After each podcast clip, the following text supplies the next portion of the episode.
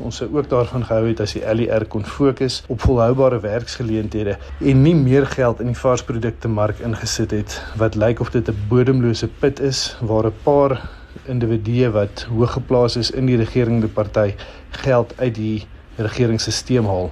Ons hoop dat die departement van veiligheid en sekuriteit hulle ekstra fondse gebruik om die absolute chaos by die Komati poort grenspos uit te sorteer en dit so vir die feesseisoen makliker te maak om tussen lande te wissel.